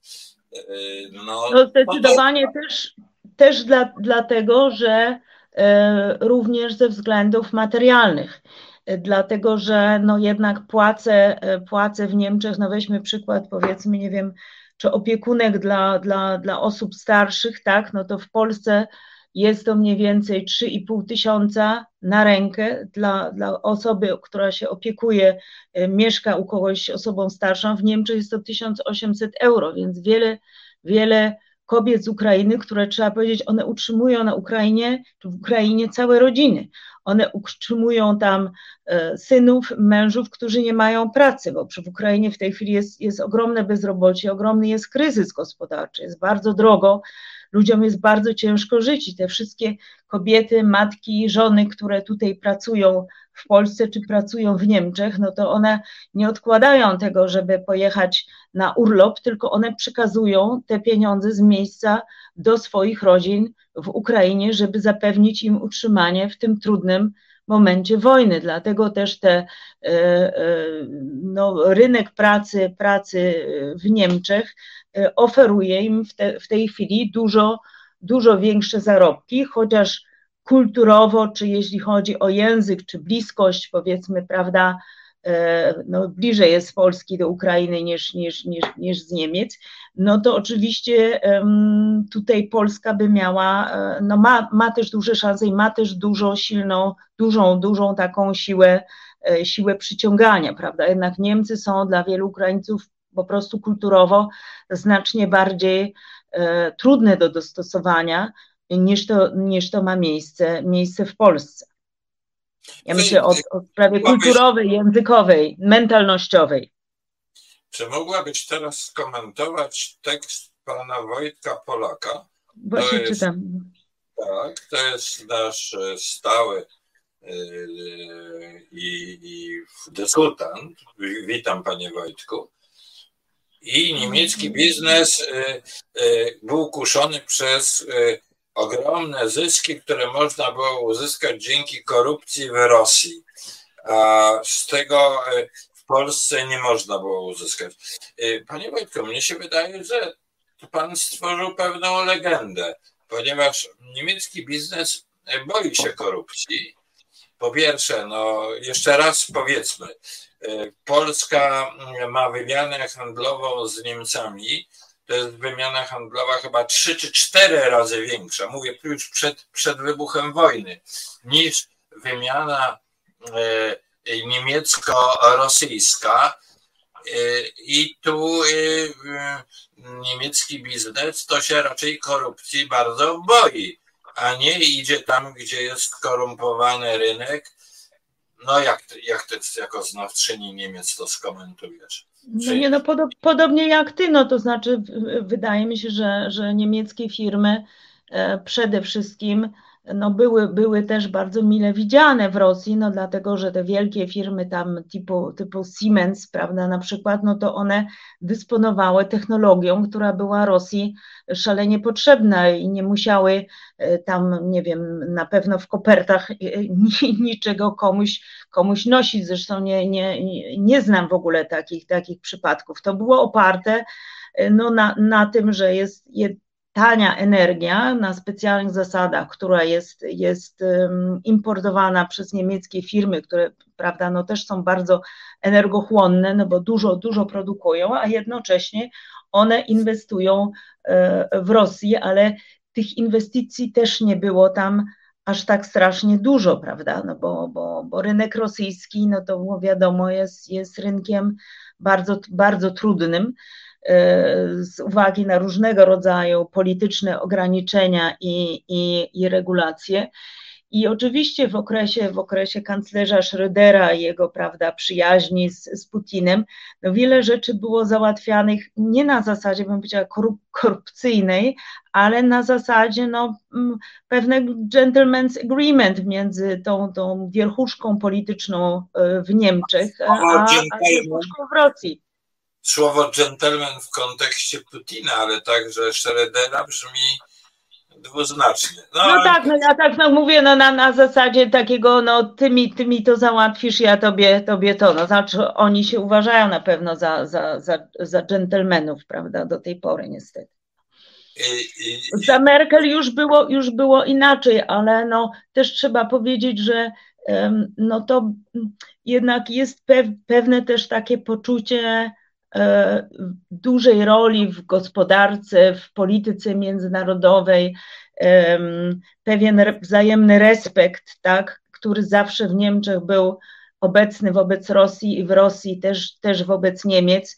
No więc e, e, no to były, mm, tutaj było też bardzo dużo, mm, dużo polityki, prawda, dużo, dużo symboliki w tych, w tych E, niemiecko-rosyjskich rosyjskich no kontaktów. Dobrze, ale ponieważ słowo było i teraz jeszcze raz powróćmy do tego, bo e, ty jest znać, świetnie znać na Niemczech, więc przytaczać bardzo dużo szczegółów, ale ja bym chciał się skoncentrować na tym, jak silna jest ta wenda, o którym mówimy. I na ile Putin Buczą, tą wojną i tak dalej, zniszczył ten obraz Niemiec, który, ten obraz Rosji, który gdzieś w, e, e, był w Niemczech, czy możemy powiedzieć, pokutował w Niemczech. I e, bo mnie się wydaje, że powrotu już w tej chwili nie ma. To znaczy, to jest moje odczucie tego, jak ja odbieram Niemcy, jak czytam rozmaitsze prace i tak dalej. Y, I że w Niemczech y, no, ci czołowi politycy, jak się czyta Die Zeit, y, FAZ i tak dalej, i tak dalej, no teza jest taka, że to jest wojna po prostu Zachodu o własne wartości z barbarzyńską Rosją. I, ten, i to jak gdyby właściwie zmienia całkowicie to, jak E, Niemcy postrzegają Europę. Czy jestem na, pe na pewno jest ta, ta zmiana jest, jest na pewno um, w tym sensie nieodwracalna, że powrotu do, do takiej tole, tolerancyjnej i takiej opartej na nadziei, że z, tej, z, tej, z tą Rosją jednak no, coś z, z tą Rosją będzie można w przyszłości, że ta Rosja jest reformowalna, to na pewno e, ta, te nadzieje, nadzieje prysły, jest bardzo duże, duże rozczarowanie wśród elit politycznych w Niemczech, które jednak cały czas na ten dialog z Rosją, z Rosją stawiały. Wydaje mi się, że tutaj e, odwrotu nie ma. E, natomiast tutaj pan, pan Wojtek Polak e, wspomina o związkach władz lokalnych z wschodnich Niemiec z różnymi podejrzanymi fundacjami. To jest, to jest prawda, jeśli chodzi o Mecklenburgię, i rolę tam różnego rodzaju fundacje, które były też włączone w finansowanie Nord Stream i w powiązania z, z Gazpromem, z, z, również to były powiązania e, byłych ludzi z, z aparatu bezpieczeństwa e, NRD z władzami, władzami Rosji, także tu jest na pewno, na pewno pewna, pewna różnica w postrzeganiu, jeśli chodzi o, o stronę społeczną.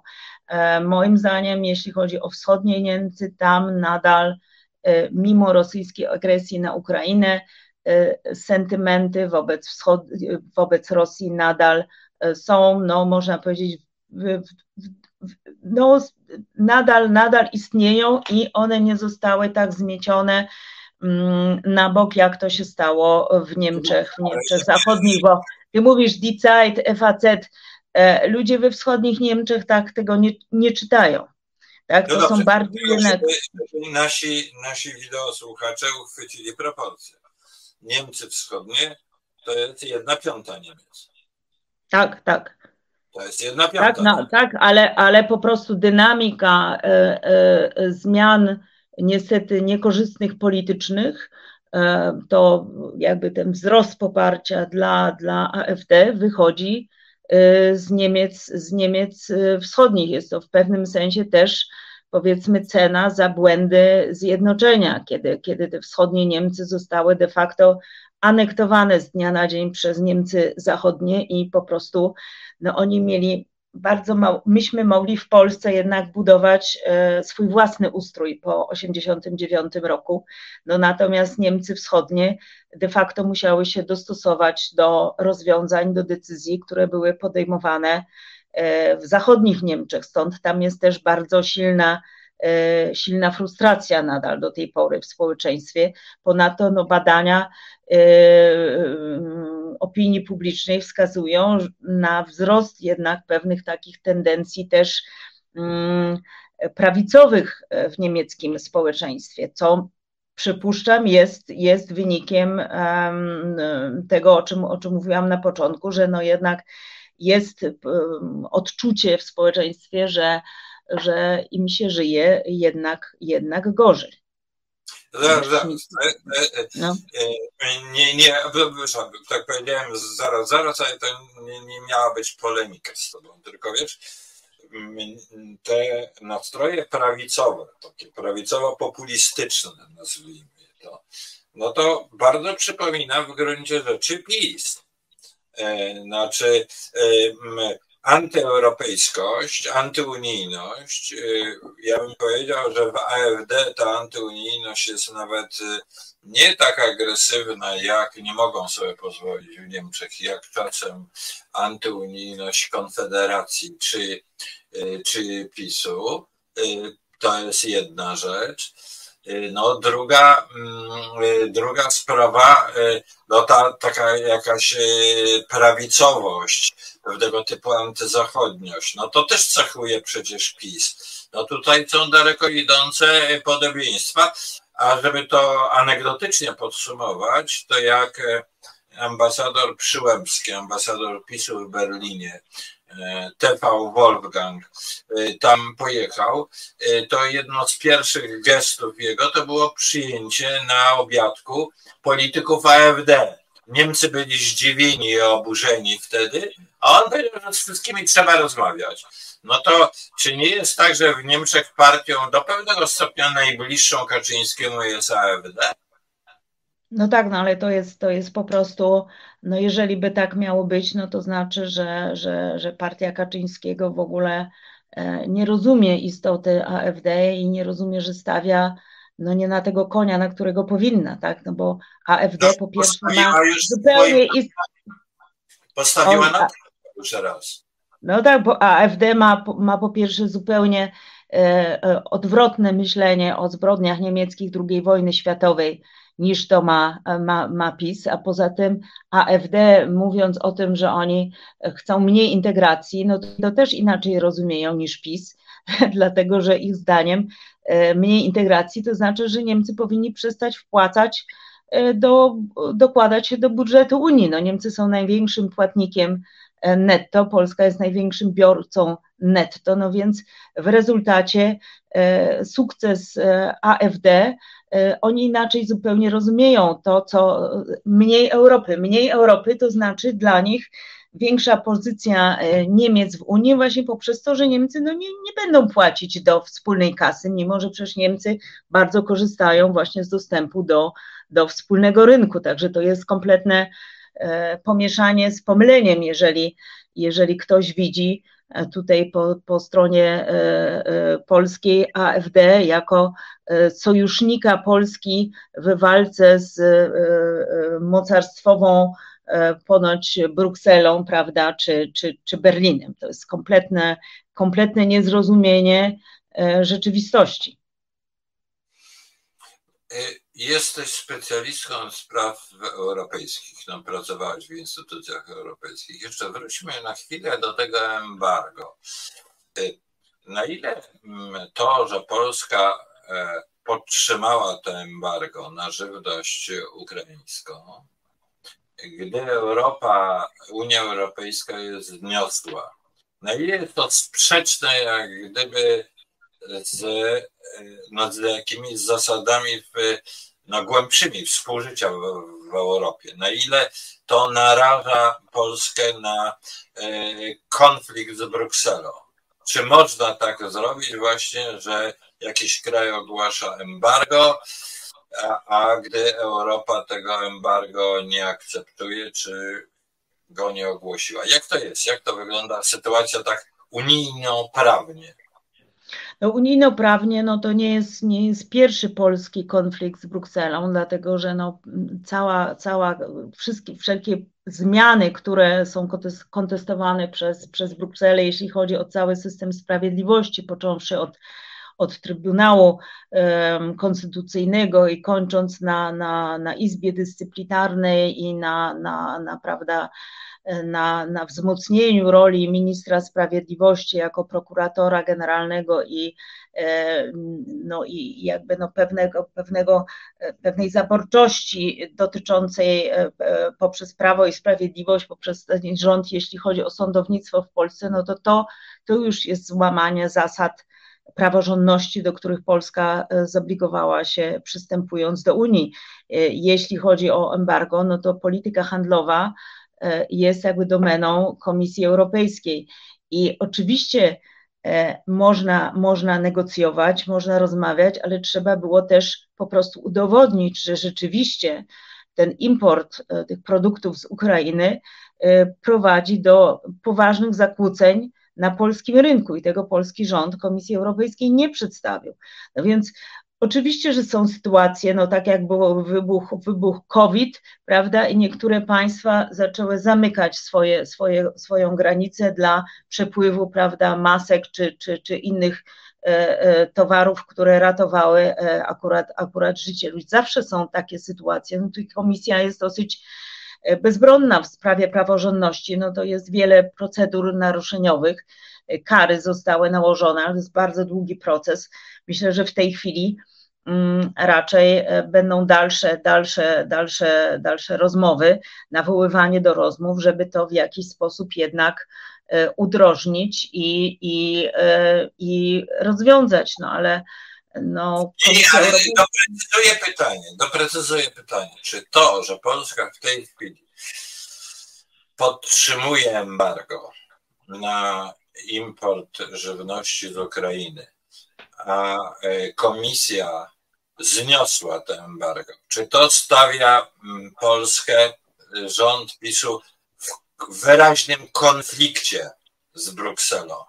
No tak, zdecydowanie tak. No zdecydowanie jest, jest, to, jest, to, jest to, no bo to jest jakby no, wyłamanie się z obowiązującego prawa europejskiego, prawda? Które, które, które stanowi, że w tej, w tej sytuacji, jeżeli yy, Czyli Polska jest zobowiązana na mocy traktatów, tak. przepisów unijnych do e, e, do respektowania, tak, tak, do respektowania tego, co w takiej sprawie postanawia. Bo to tak, jest ponieważ to jest kompetencja, kompetencją Komisji Europejskiej, natomiast praktyka polityk europejskich jest taka, że nikt nie dąży do tego typu eskalacji i tak to widzieliśmy latem, że jednak były rozmowy między polskim rządem a komisją, że były możliwości, powiedzmy, wsparcia tych sektorów polskiego rolnictwa, które by e, bardzo na tym, na tym e, ucierpiały, no ale po prostu tutaj no nie ma, e, to jest jakby to są decyzje po stronie polskiej, które mają charakter wyborczy i polityczny. One nie, nie są udokumentowane, że rzeczywiście ten import zboża, który jest w tej chwili z Ukrainy, on by zakłócił funkcjonowanie e, e, rynku, żywnościowego w Polsce. Raczej takie zakłócenie, do takiego zakłócenia doszło w wyniku decyzji w zeszłym roku ówczesnego ministra rolnictwa, który powiedział rolnikom, że nie sprzedajcie, nie sprzedawajcie zboża silosów, no bo jeszcze ceny na zboże wzrosną, tak? I nie było po, po stronie polskiej żadnej kontroli e, jakości e, tego zboża, które przychodziło z, Ukrainy. W związku z tym e, po prostu tego zboża było, było bardzo, bardzo dużo, bo one nie było było zbożem e, technicznym, a w rzeczywistości bez jakiejkolwiek kontroli e, lądowało później e, w młynach. No zresztą to wszystko jest bardzo trudne, no bo jeżeli nawet jest to zboże, które idzie jako, jako tranzyt przez Polskę, no to nie można nigdy wykluczyć, że ono jako tranzyt jedzie do jakiegoś miasta czy magazynu przy granicy polsko-niemieckiej, a następnie znowu wraca do Polski, gdzie już nie ma żadnych no, kontroli. Ten minister okazał się kompletnym, że tak powiem, takim no, ignorantem, jeśli chodzi o jakąś taką analizę sytuacji, no bo nie przewidział tego, że w pewnym momencie korytarz e, czarnomorski może być otwarty, E, zboże napłynęło, cena zboży zamiast wzrosnąć spadła, prawda? Znaczy to, to widać, jak Polska tutaj jest zależna od pewnych globalnych procesów e, i, mm, e, i no i na tym stąd ten konflikt. Ale Marzona, ja Ci zadam takie pytanie. Załóżmy, że PiS wygrywa. Załóżmy, że kontynuuje tą dalej antyniemiecką politykę, E, tej bardzo nieprzyjemnej e, retoryki, no, która jest jednak słyszana w Berlinie e, i tak dalej, i tak dalej. Czy wyobrażasz sobie, że Niemcy zaczną myśleć o tym, że taki kraj jak Polska w Unii Europejskiej niepotrzebny? I teraz może przesuńmy to na instytucje europejskie instytuty dotychczasowe, jak gdyby ustalenia, traktaty i tak dalej, nie pozwalają kogoś wyrzucić z Unii Europejskiej. Ten ktoś może tylko wyjść, tak jak wyszła Wielka Brytania. Ale czy może być tak, że jeżeli Węgry się dalej będą tak zachowywały, jak się zachowują, i Polska się będzie też tak zachowywała, to w Unii Europejskiej powstanie taka refleksja, takich państw, takie państwa trzeba całkowicie izolować, czy takie państwa w ogóle trzeba pozbawiać członkostwa, czy w jakimś bardzo ograniczyć to członkostwo, żeby nie przeszkadzały temu europejskiemu organizmowi. Czy taka refleksja może na poziomie europejskim się pojawić, bo to Cię pytam jako eksperta od spraw europejskich, ale czy w pewnym momencie w Niemczech nie może się coś takiego pojawić. To, że ta Polska jest no, bardzo kłopotliwym sąsiadem. Z, na przykład zacznie się zamykać granicę polsko-niemiecką. No powie no dobrze, duży rynek i tak dalej, ale właśnie to będziemy handlować z Ukrainą. Czy może taki bardzo pesymistyczny scenariusz jest możliwy, jeżeli PiS pozostanie przy rządach i będzie prowadził, przepraszam, taką politykę jak dotychczas. No.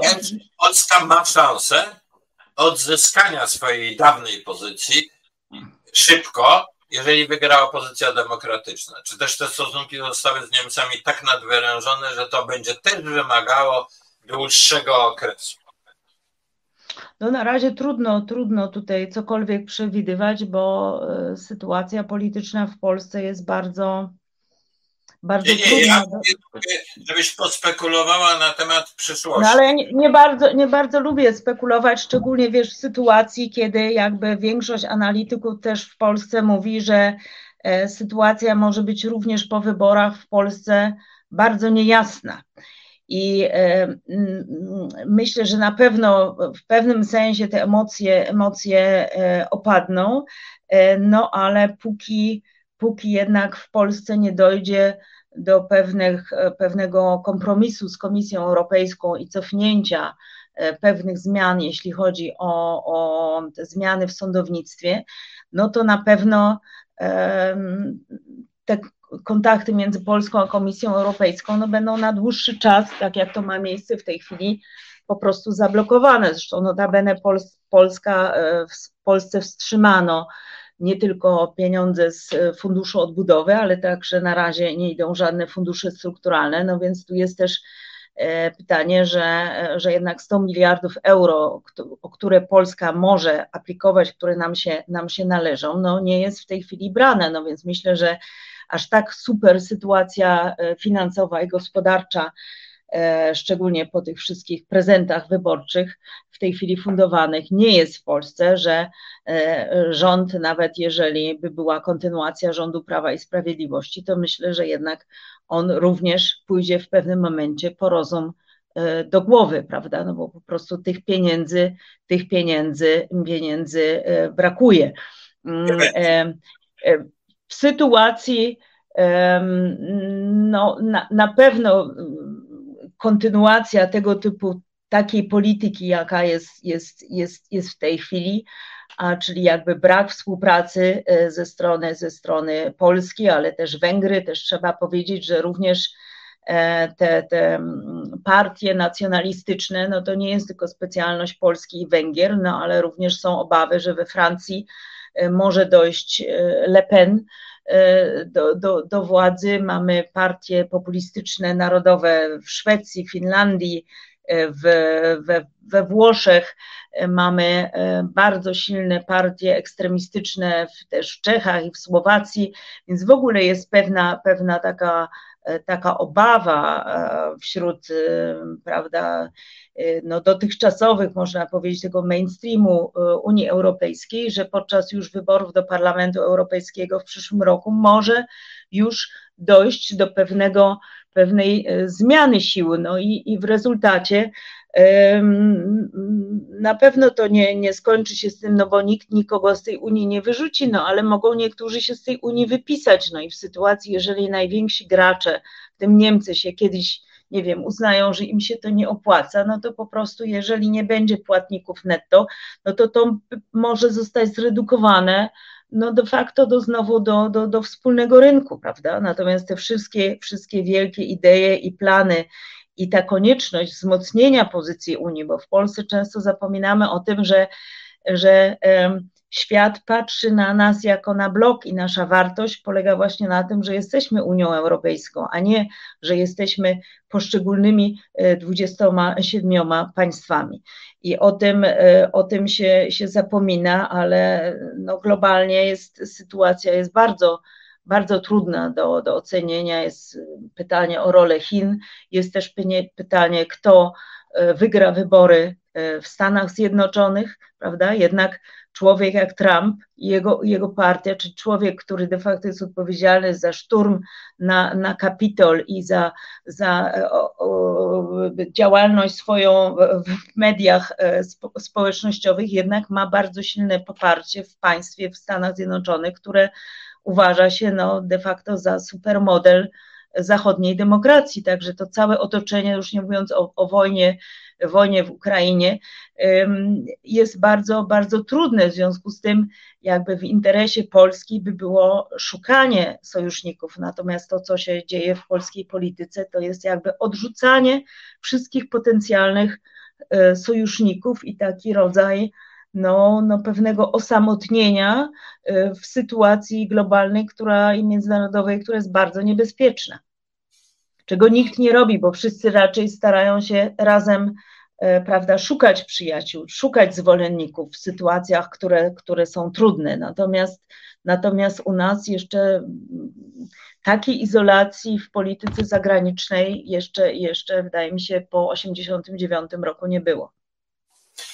Znaczy, no, poruszyłaś tu temat szerszy, to znaczy, że dzisiejszy świat jest y, no, na jakimś możliwym rozdrożu. Mogą Pewno.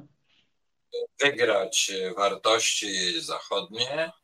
Y, symbolem tego jest ta wojna na, w Ukrainie, ale może być tak, że mm, świat zachodni osłabnie, czy się rozpadnie, no i może być nawet bardzo groźnie.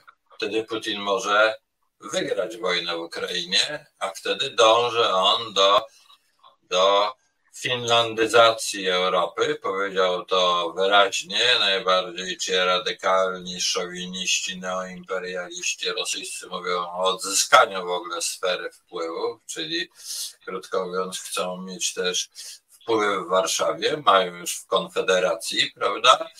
Swoje forpoczty mają w osobach Korwina czy Brauna i tak dalej. E, no ale to, to mówię w tej chwili tylko, żeby ostrzegać, natomiast e, to ostrzeżenie, e, to, ta sytuacja jest bardzo trudna, no ale może być tak, że świat zachodni wygrywa, a Polska nadal się zachowuje tak, jak się zachowuje. I teraz usiłując nieco podsumować tą dyskusję, ale chciałbym, żeby tą moją nieudolna próba podsumowania tej dyskusji, żebyś to skomentowała. Niemcy patrzą na Polskę, są zdziwieni, że ten, e, ten kraj rewolucji Solidarności, ten kraj, który umożliwił zjednoczenia Niemiec, ten kraj w Niemczech, przy wszystkich tam brakach wiedzy niemieckiej o Polsce, który jednak w Niemczech był podziwiany, że ten, w tym kraju dzieje się coś takiego jak obecnie i że Niemcy usiłują tego na razie nie dostrzegać. To znaczy, ja mam takie wrażenie, jakby Niemcy, no tutaj wiedzą, co się dzieje w Polsce, ale nie chcą z tego wyciągać e, jakichś dalej idących wniosków i przeczekują. I przeczekują i że to jest głównie mm, to, co się daje powiedzieć o pozycji niemieckiej wobec Polski, a jednocześnie te Niemcy są krajem o mm, poważnych wewnętrznych problemach, e, czego wyrazem jest na przykład 20% poparcia dla AfD, partii nie tylko prorosyjskiej, ale zdecydowanie anty Y, antypolskiej pod wieloma względami. Przypominam ten polityk niemiecki, który mówi ni stąd, ni zowąd o Niemczech wschodnich i ma na myśli no, e, e, dawne Niemcy wschodnie, prawda? W AfD ten rozrachunek z, Niemcy, z okresem 33-45, on zaczyna być kwestionowany. Minęło wiele pokoleń. PiS w gruncie rzeczy poruszając w taki sposób tępy i głupawy sprawę reparacji wzmacnia te tendencje w Niemczech. No więc Niemcy wyczekują, no ale jeżeli polityka polska będzie tak nieodpowiedzialna jak polityka PiSu, to możemy mieć bardzo tu znikła e, na chwilę Marzena, tak, no już mi się tu widzę, bateria się powoli. Możemy mieć w Niemczech, e, możemy mieć zły wpływ na, Niemcy, na Niemcy, ponieważ właśnie reakcja na to, co się dzieje w Polsce, może powodować bardzo nieprzyjemny przyjemny zwrot w Niemczech. Jeszcze raz powtórzę to, gdzie znikłaś niestety na chwilkę, że czy kończąc te moje mm, niby podsumowanie, że te zachowania Kaczyńskiego i PiSu, gdyby potrwały dłużej, mogą mieć bardzo zły wpływ na Niemcy. To znaczy budzić w tych w Niemczech, w polityce niemieckiej jak najgorsze tendencje, bo jednak Polska dla Niemiec jest dosyć ważnym e, sąsiadem. Jak gdybyś to wyczekiwanie obecnie, no ale potem, zapowiem, e, ta polityka e, Niemiec Berlina wobec Warszawy będzie się uwyraźniała w jakiś sposób.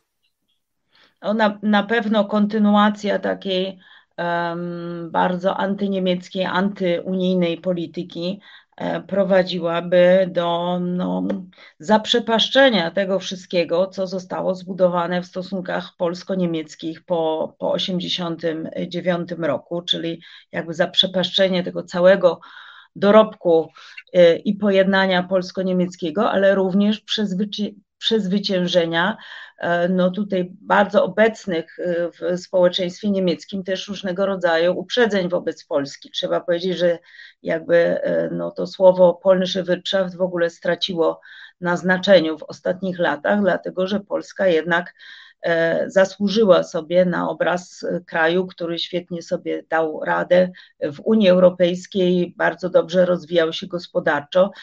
No i w związku z tym, z tym całym konfliktem z Unią Europejską, z kwestiami dotyczącymi praworządności, no ale teraz też te kwestie, które, które dotyczą tej kampanii e, antyniemieckiej i antyunijnej, no i tych w ostatnich dniach, prawda, obecnego tego zaskoczenia wielkiego też w Niemczech, E, polską polityką wobec Ukrainy, no to oczywiście e, stawia pod znakiem zapytania kontynuację tego wielkiego dorobku polsko-niemieckiej współpracy i polsko-niemieckiego pojednania.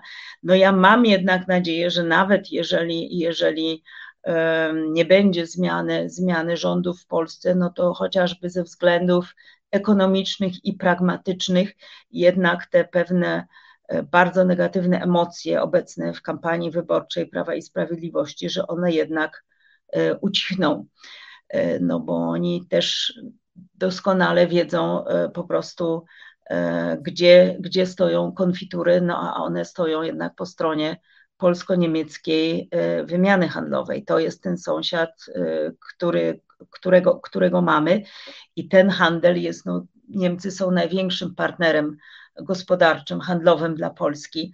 E, więc e, myślę, że, że, że to no na pewno nie naprawi tego wszystkiego, co się, co, się, co się stało w ostatnich latach, ale jednak uważam, że, że powiedzmy ten okres w tej chwili do wyborów e, jest szczególny i dojdzie do jakiegoś tutaj opamiętania. No oczywiście, gdyby wygrała opozycja, no to będzie E, to zupełnie inna historia, dlatego że no te, te, te stosunki były jednak bardzo dobrze budowane w okresie też Platformy Obywatelskiej i na pewno do tego będą się starali ci politycy znowu nawiązać, jeżeli, jeżeli dojdzie do zmiany władzy w Polsce.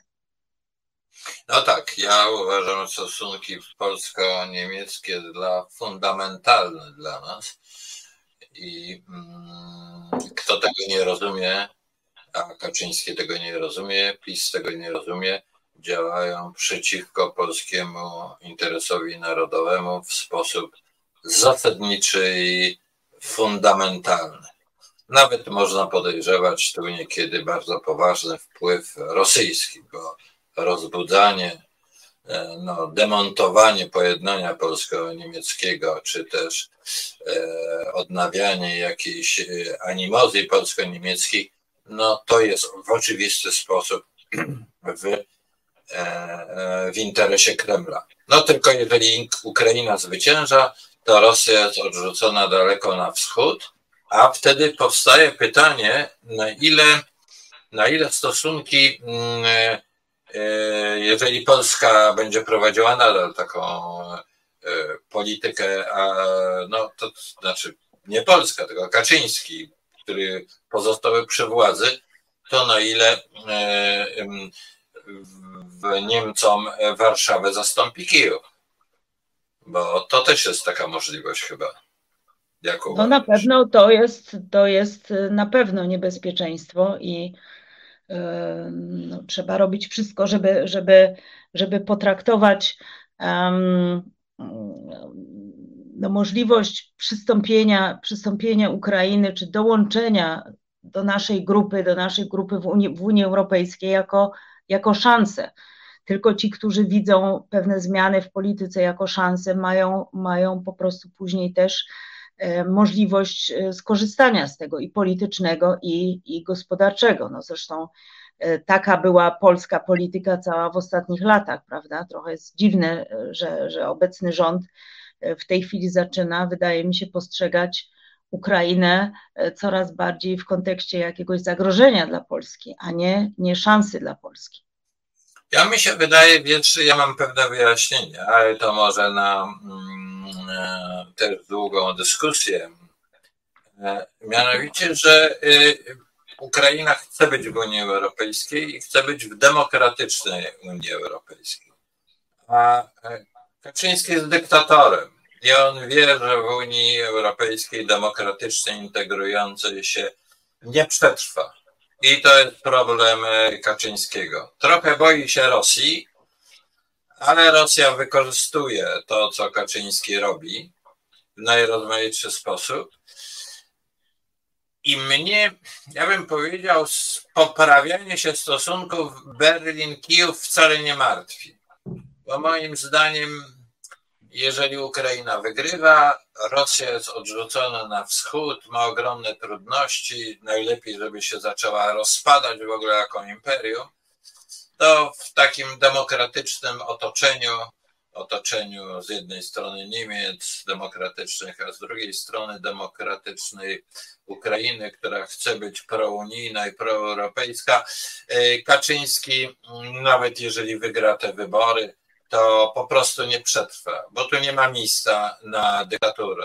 Będzie decydowała gospodarka, najrozmaitsze naciski i ktoś taki jak ten dziad z, po prostu z Żoliborza będzie musiał odejść wiem, czy się zgodzisz na coś takiego. To znaczy, ja wiążę i e, wiążę przede wszystkim nadzieję, że wygramy wybory, ale mm, że demokracja polska zostanie już w tej fazie ocalona, ale uważam, że jeżeli się tak nie stanie, to, mm, to, to ta sytuacja, która powstanie po zwycięstwie Ukrainy, będzie też sprzyjała polskiej demokracji. Jak najbardziej. No, wierzę, wierzę w demokrację i wierzę w zwycięstwo Ukrainy. Musimy w to wierzyć. Proszę Państwa, dziękujemy, żeście się przysłuchiwali tej dyskusji. Przypominam, subskrybujcie, lajkujcie i komentujcie. Komentarze bardzo się liczą. Później po, nie tylko tu na czacie, dziękujemy za te wszystkie komentarze na czacie, ale później pod audycją My je czytamy, odpowiadamy na, na e, komentarze e, i mm, e, wasza subskrypcja i lajki no po prostu pomagają rozchodzeniu się taki, takich rozmów, takich dyskusji o, o polskich sprawach, bo taki jest algorytm YouTube'a. Stawiając lajka, subskrybując, po prostu wrzucacie taką małe, malutką kartkę wyborczą do, e, w tej wielkiej dyskusji o polskich i europejskich sprawach. Marzeno, bardzo dziękuję. Bardzo dziękuję. Dobranoc Państwu.